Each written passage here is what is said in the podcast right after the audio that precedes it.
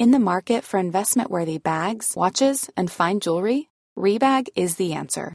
Rebag is a luxury resale platform where each piece is carefully inspected by experts to ensure quality and authenticity. Use Rebag to buy and sell finds from the world's top brands, including Louis Vuitton, Chanel, and Cartier. Head to Rebag.com to get 5% off your first purchase with code REBAGNEW. Shop today at Rebag.com. That's R E B A G.com. And use promo code REBAGNEW for 5% off your first purchase. Ryan Reynolds here from Mint Mobile. With the price of just about everything going up during inflation, we thought we'd bring our prices down.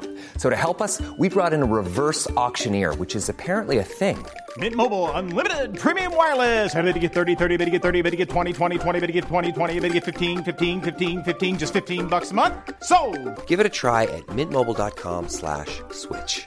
$45 upfront for three months plus taxes and fees. Promo for new customers for limited time. Unlimited more than 40 gigabytes per month. Slows. Full terms at mintmobile.com. Wow. Nice. What you're hearing are the sounds of people everywhere putting on Bombas socks, underwear, and t-shirts made from absurdly soft materials that feel like plush clouds. Yeah, that plush.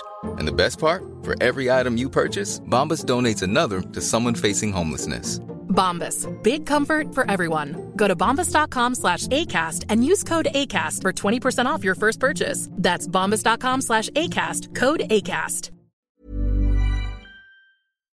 Et år på bibelskole, et liv med substans. Bibelskole Substans ligger i Bergen, tett på folk og fjell. Vi løfter fram etterfølgelsen av Jesus, Bibelen, framtiden, menighet, samfunnsliv og ikke minst ledelse, fordi vi tror på alle menneskers potensial til å påvirke og lede i sin hverdag. Et år på bibelskole, et liv med substans. Sjekk ut mer på substans.co, eller søk oss opp på Facebook. Bibelskole Substans.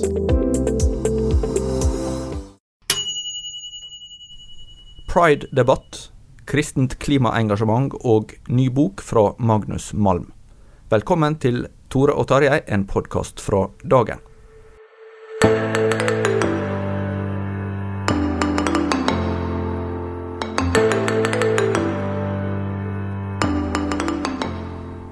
Tarjei Gilje og jeg, Tore Hjalmar Sævik, er på plass her i studio. Og eh, vi eh, har nå eh, sett at Donald Trump har vært på besøk i Storbritannia. Vi lurte på om han hadde endret frisyre, men det var visst bare et kort øyeblikk.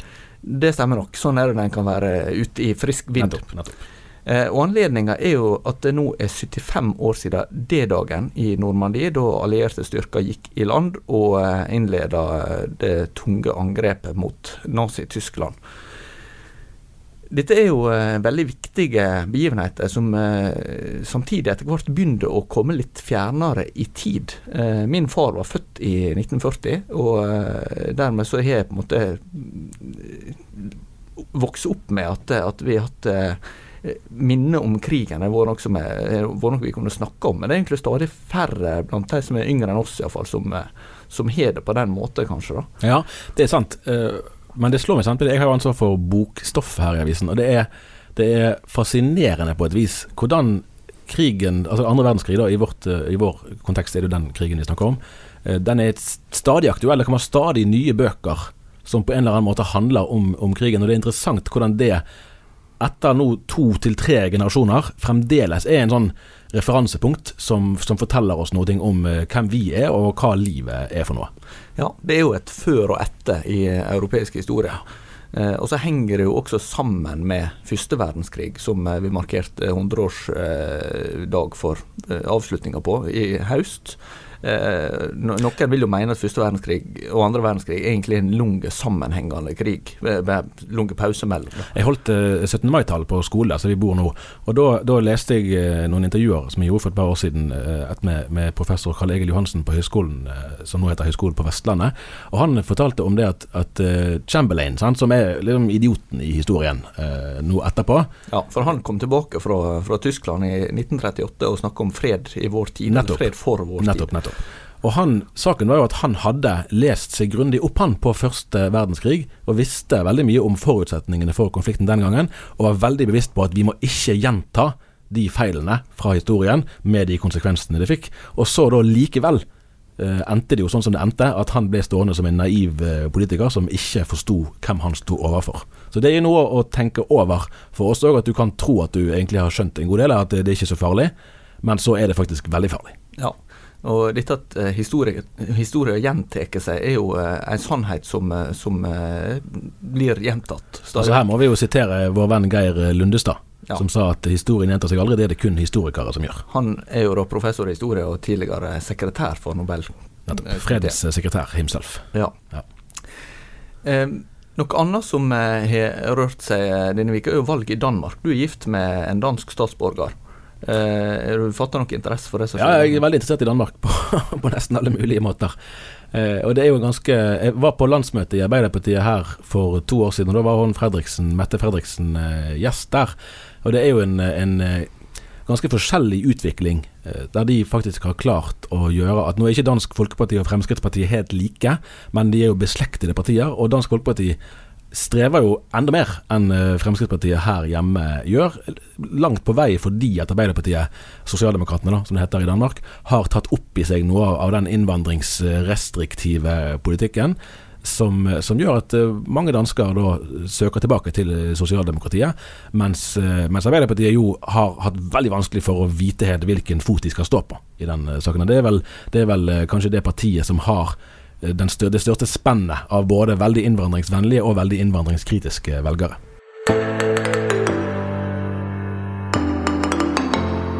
Et uh, tema som uh, får mye oppmerksomhet nå i juni, er pride. Det skyldes delvis i år at det er 50 år siden den uh, moderne homokampen ble innleda med det opprøret som starta på uteplassen Stonewall i New York som reaksjon på politiets behandling av seksuelle minoriteter. Men det ble jo også innledninga på disse markeringene som har fått eh, stadig større utbredelse, også i Norge. Eh, hva, hva jeg, hvordan opplever du atmosfæren rundt, eller engasjementet rundt pride nå, Tarjei? Ja, det kan man jo det Spørsmålet kan man jo besvare fra forskjellige, forskjellige vinkler. Eh, sånn I et samfunnsperspektiv så er det jo i ferd med å bli nesten et slags sånn allemannseie. Sånn det er helt egentlig ukontroversielt. F.eks. utenfor kontorvinduene våre her så kjører Bybanen med, med pride, eh, eller med regnbueflagget, da. Og det er helt selvsagt for de aller fleste, virker det som. Og sånn har det jo virkelig ikke alltid, ikke alltid vært. og, og, det er i grunnen forunderlig å se hvor raskt en egentlig ganske stor endring har skjedd. Jeg er jo ikke eldre enn at jeg husker ganske godt og dette var nokså marginale fenomen eh, på 90-tallet og utover eh, tidlig på 2000-tallet. Der eh, vel tror tror sånn som Carita Bekkemellem, som da var innvalgt for Arbeiderpartiet, var blant de få som, politikere som, som engasjerte seg eh, i, i, sånne type parader. da. Um, hva tenker du det er uttrykk for at dette her er blitt så stort? Ja, Det tror jeg er lurt å tenke ordentlig over. Eh, vi, vi, når vi ser tilbake i menneskenes historie, så er det noen sånne grunnleggende kamper som vi ser på. Ja, dette, dette var fremskritt. Vi tenker på kampen mot eh, slaveri, mot, eh, mot rasisme. Eh, likestillingskampen blir forstått inn i en sånn sammenheng. Og nå ser vi jo tydeligere og tydeligere at denne kampen òg blir forstått i en sånn eh, sammenheng. At det at, at, to menn eller to kvinner at, det, at, de ikke skulle ha rett til å leve sammen eh, slik de ønsker det, det det er en, en, historisk urett som man virkelig, virkelig ønsker å rette opp i. Og hvis man i dag eh, markerer seg som motstander i den kampen, så har man en ganske vanskelig utgangspunkt. Hvordan eh, utfordrer dette her eh, kristne, sånn som du ser det? Ja, Det utfordrer jo kristne på flere måter. Altså Én ting er jo, er jo den ø, juridiske, politiske Hva slags lovverk skal vi ha? I dag er det jo nesten utrolig å tenke på at, eh, at, eh, altså at homoseksuelle handlinger eh, var forbudt ved lov for faktisk ikke så mange tiår siden. 1972. Nettopp. Det, det, er mange som husker det.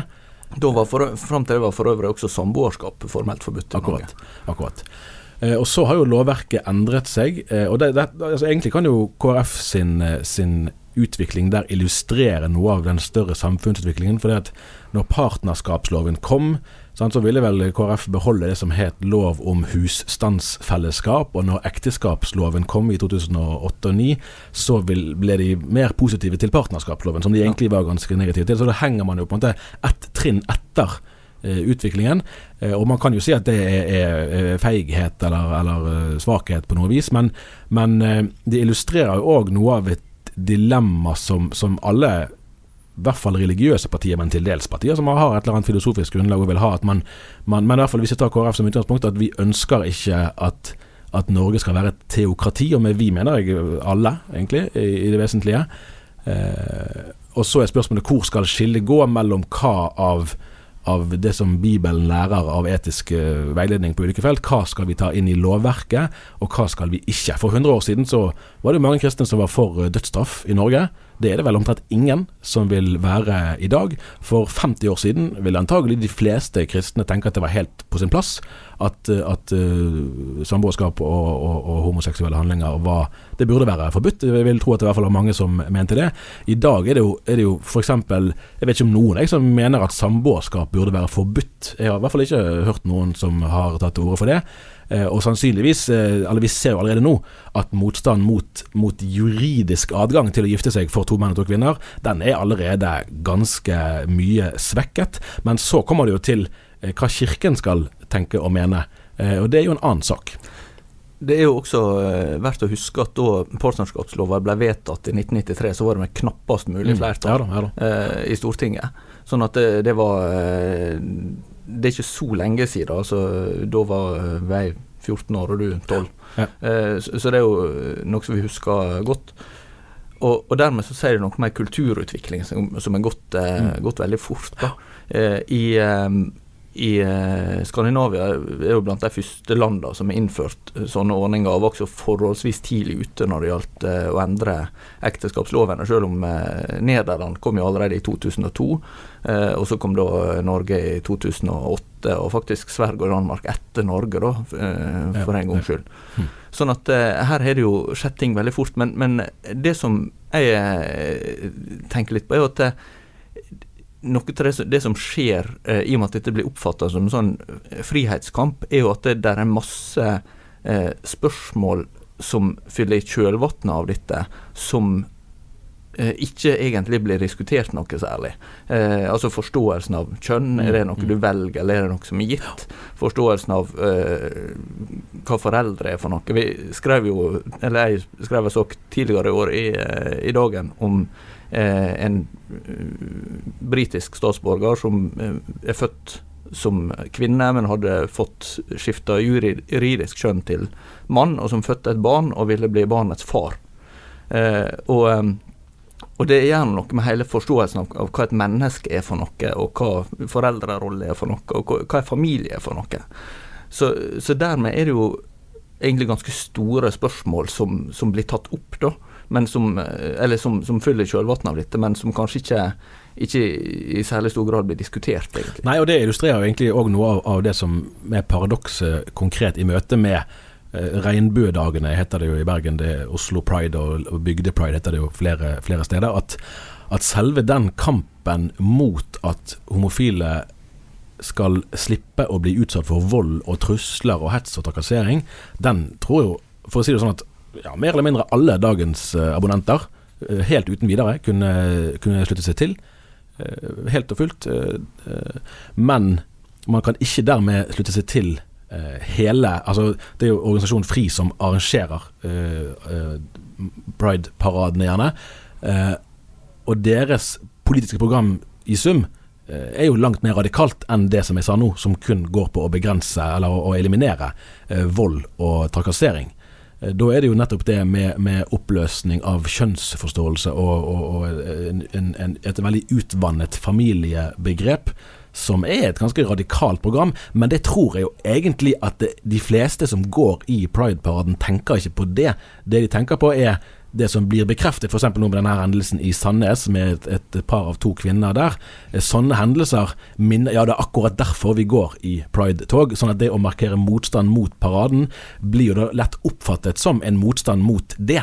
Ja, selv om det ikke nødvendigvis er det man, man har ment. da. Ja, de som opplevde at huset der ble skjenda. Akkurat. akkurat. Ja.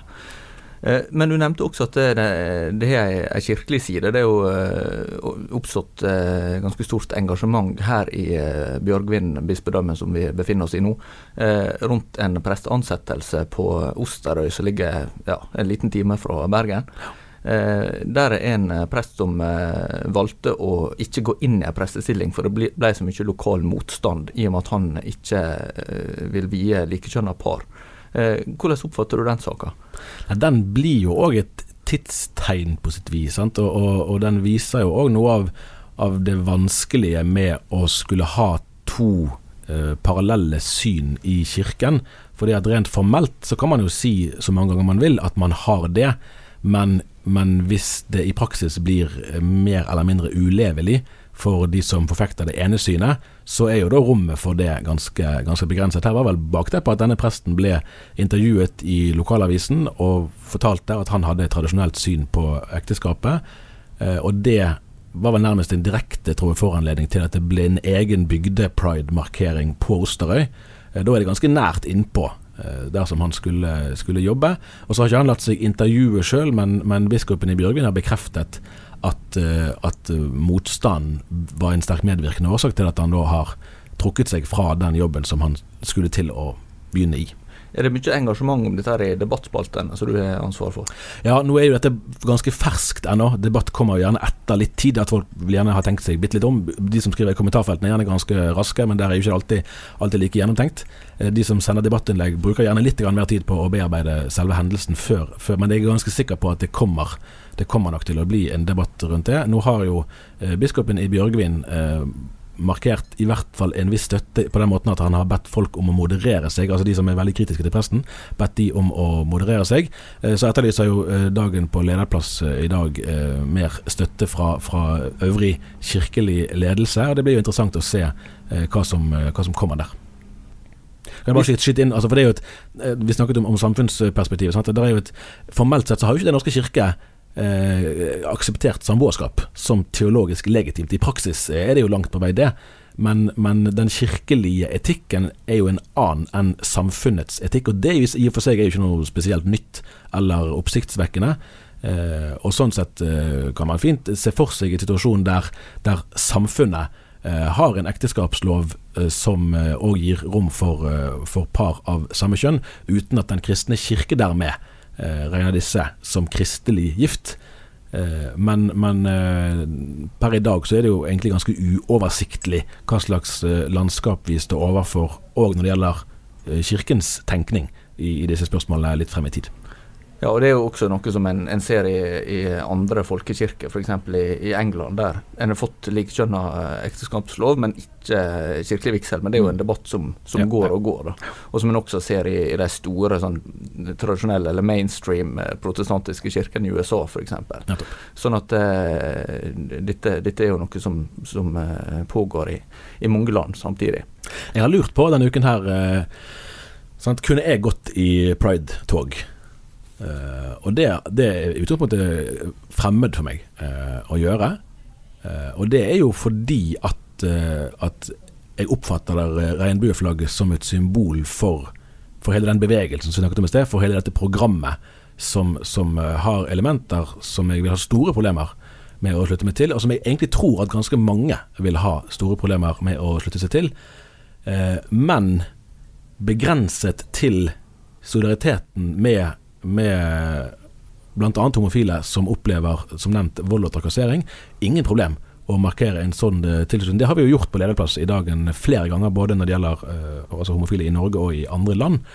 Og når det er kristne, som f.eks. i Afrika, som er på den andre siden, altså som ønsker, uh, ønsker ulike slags straffemetoder. Det er lett å, å slutte seg til motstand mot det. Ingen mennesker skal, skal måtte tåle vold og hets.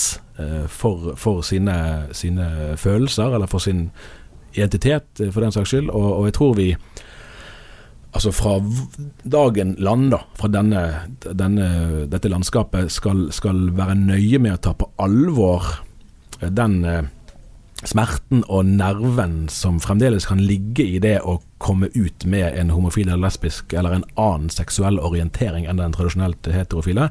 Det innebærer ikke at man må endre teologisk syn, slett ikke. Men, men eh, jeg tror det er dumt å å, kun være uh, altså formelt sett Vi har en del debattinnlegg i dagen som, som presenterer uh, i og for seg helt adekvat teologi, men der det ikke alltid er så lett å få øye på kjærligheten til de menneskene man prøver å skrive til. Og da er det jo ikke et helt kristent budskap som blir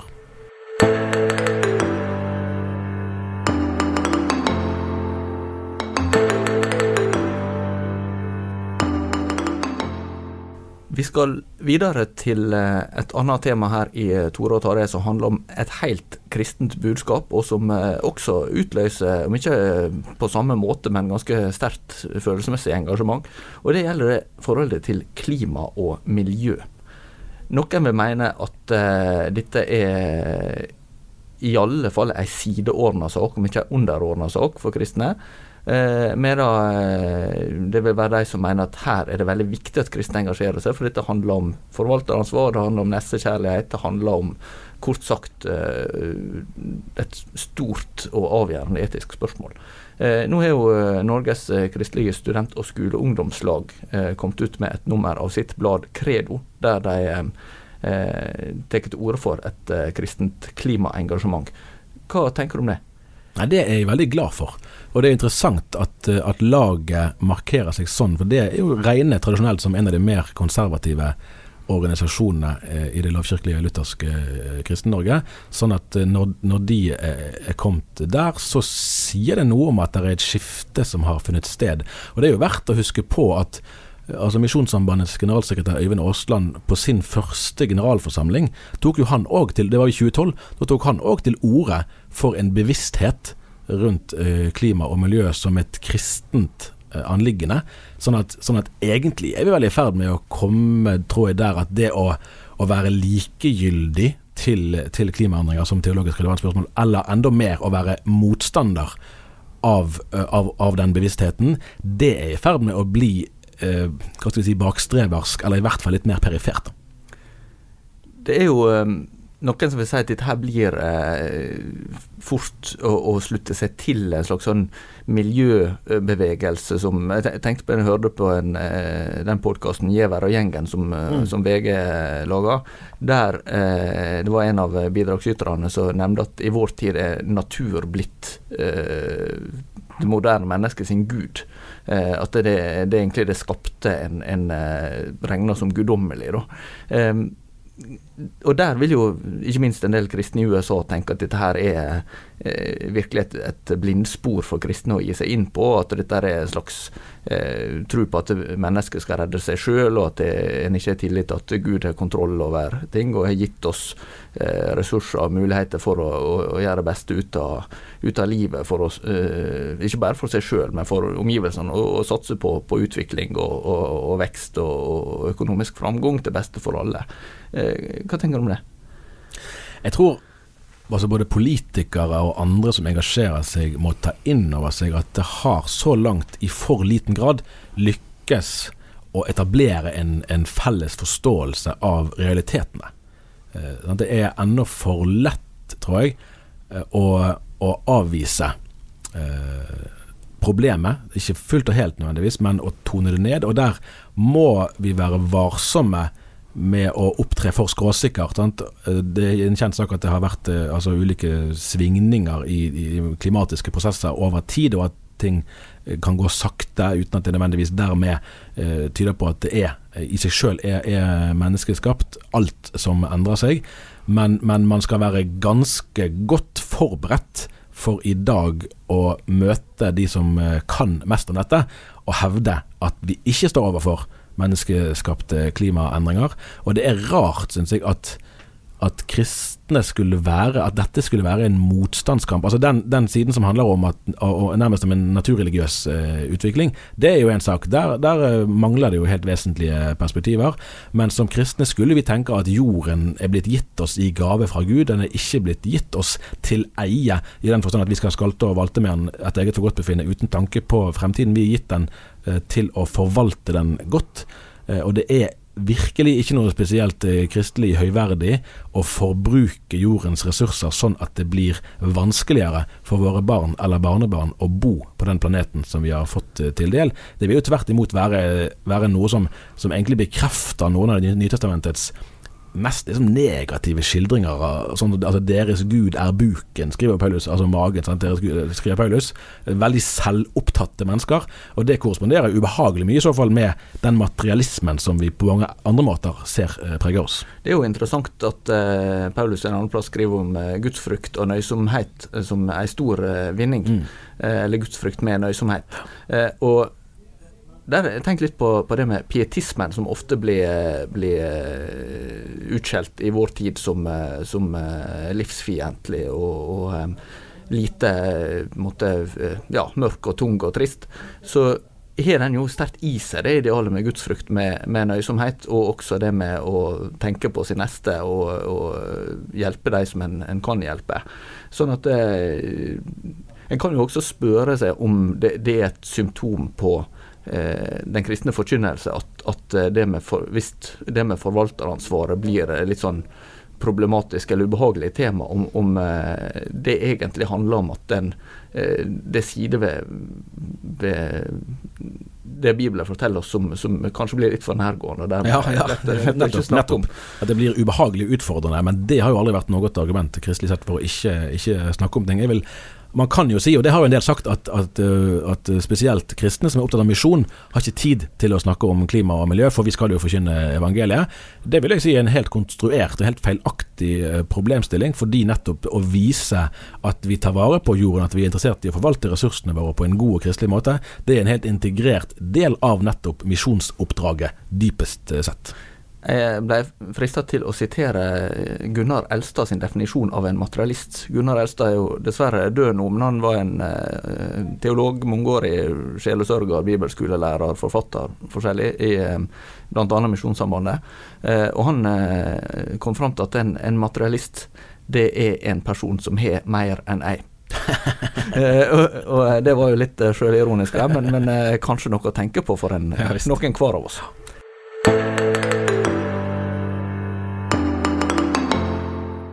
En svenske som eh, mange av våre lyttere og eh, lesere i dagen vil ha kjennskap til gjennom en hel del år, er Magnus Malm. Han eh, ble først på norsk virkelig kjent med boka 'Veivisere', som kom tidlig på 1990-tallet. Og siden har gitt ut ei rekke bøker, eh, også på norsk. Og den siste den heter 'Fri til å tjene'. og Den handler rett og slett om kristent lederskap. Malm var intervjua i Dagen denne veka her, og hva er det han har på hjertet nå? Dette er altså veldig interessant. Det som han Jeg har ikke lest hele boken, så jeg skal ikke skryte på med det, men jeg har lest litt om han det har jo vært en trend i forskjellige kristne miljøer, og det er ikke noen ny trend for så vidt det at prester skal være, skal være velutdannet. Altså Vi har jo hatt, uh, hatt teologisk utdannelse i veldig lang tid. Uh, og så har har du, kanskje særlig i deler av lavkirkeligheten hatt en sånn ideal, men det er òg i frikirkeligheten, et ideal om at om at man skal nesten helst ikke ha teologisk utdannelse, for det blir en teoretisk eh, sak som, som, ikke står i, i forhold til, til hjertets eh, levende tro, eller hvilket begrep man nå, eller begrepsapparat man vil bruke på det. Men der er det han, han eh, snakker om at det er ikke akademisk eh, kompetanse alene som danner en kristen leder, og det er heller ikke ledelsesfaglig kompetanse som danner en kristen leder. Han sier at, eh, at alle disipler er ikke apostler, men alle apostler er først og fremst disipler. Eh, det er ganske godt sagt. Hvordan eh, tenker du om eh, balanse mellom akademisk dannelse og, eller utdannelse og åndelig dannelse? Du har jo selv mastergrad i kristendom, så, så, du bør jo kunne ha gjort deg noen refleksjoner. Jeg er veldig glad for at jeg, at jeg har det. Den syns jeg jeg har bruk for omtrent hver eneste dag. For der er jo to grøfter. Sant? Man kan bli antiintellektuell. Man kan bli så redd for, for uh, akademisk teologi, som helt riktig i mange tilfeller kan bidra til både tvil og anfektelser og frykt og litt av hvert. Uh, man kan bli så redd for det at man stenger seg ute fra det og snakker helst med likesinnede og beveger seg i sitt eget tankeunivers. Der er en helt opplagt fare, og den faren tror jeg egentlig er mer aktuell enn mange av oss er klar over, på den måten at, at kristne miljøer sakte, men sikkert beveger seg ut av den store fortellingen og blir eh, liksom, sammenhenger på egen kjøl og, og, på egen hånd med ganske liten påvirkningskraft. Mens den andre siden altså Det har jo skjedd. I, I Danmark har man hatt stillingsannonser der man menigheter søker etter en troende prest. Det høres jo helt absurd ut på mange måter, men det er en reell, en reell problemstilling. For det, for det, er ikke sånn at studiepoeng i teologi er alene det som skal til. Eller, og det trenger ikke være studiepoeng i teologi, det kan jo også være studiepoeng i ledelse i våre dager, sant? som er blitt et, et fag nå i, mer i nyere tid. Det er på ingen måte sånn at man automatisk blir en god åndelig leder av å ha studiepoeng i, i noen av disse fagene.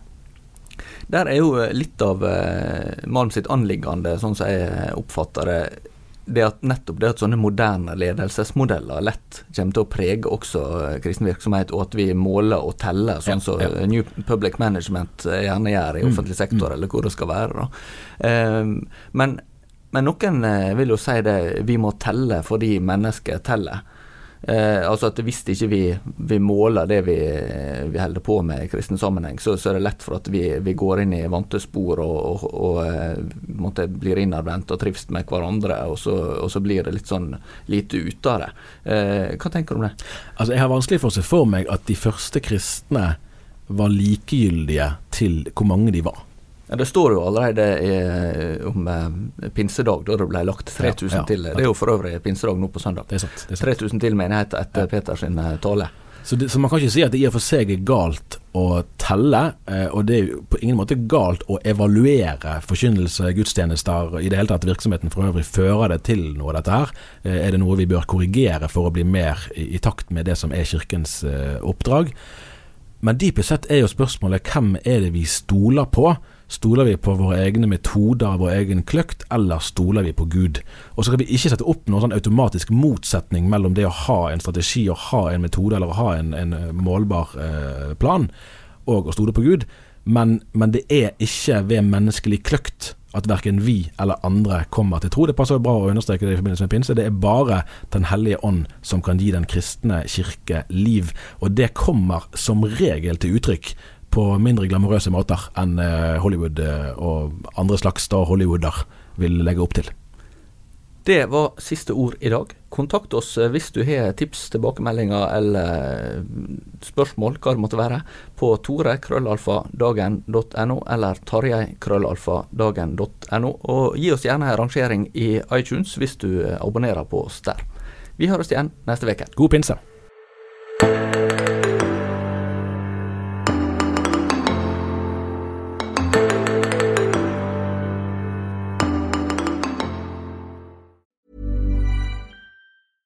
Cool fact a crocodile can't stick out its tongue. Also, you can get health insurance for a month or just under a year in some states. United Healthcare short term insurance plans, underwritten by Golden Rule Insurance Company, offer flexible, budget friendly coverage for you. Learn more at uh1.com. Imagine the softest sheets you've ever felt. Now imagine them getting even softer over time. That's what you'll feel with Bowl and Branch's organic cotton sheets. In a recent customer survey, 96% replied that Bowl and Branch sheets get softer with every wash. Start getting your best night's sleep in these sheets that get softer and softer for years to come. Try their sheets with a 30-night guarantee. Plus, get 15% off your first order at bowlandbranch.com. Code BUTTERY. Exclusions apply. See site for details. Even when we're on a budget, we still deserve nice things. Quince is a place to scoop up stunning high-end goods for 50 to 80% less than similar brands. They have buttery soft cashmere sweaters starting at $50, luxurious Italian leather bags, and so much more. Plus, Quince only works with factories that use safe, ethical, and responsible manufacturing. Get the high-end goods you'll love without the high price tag with Quince. Go to quince.com/style for free shipping and 365-day returns.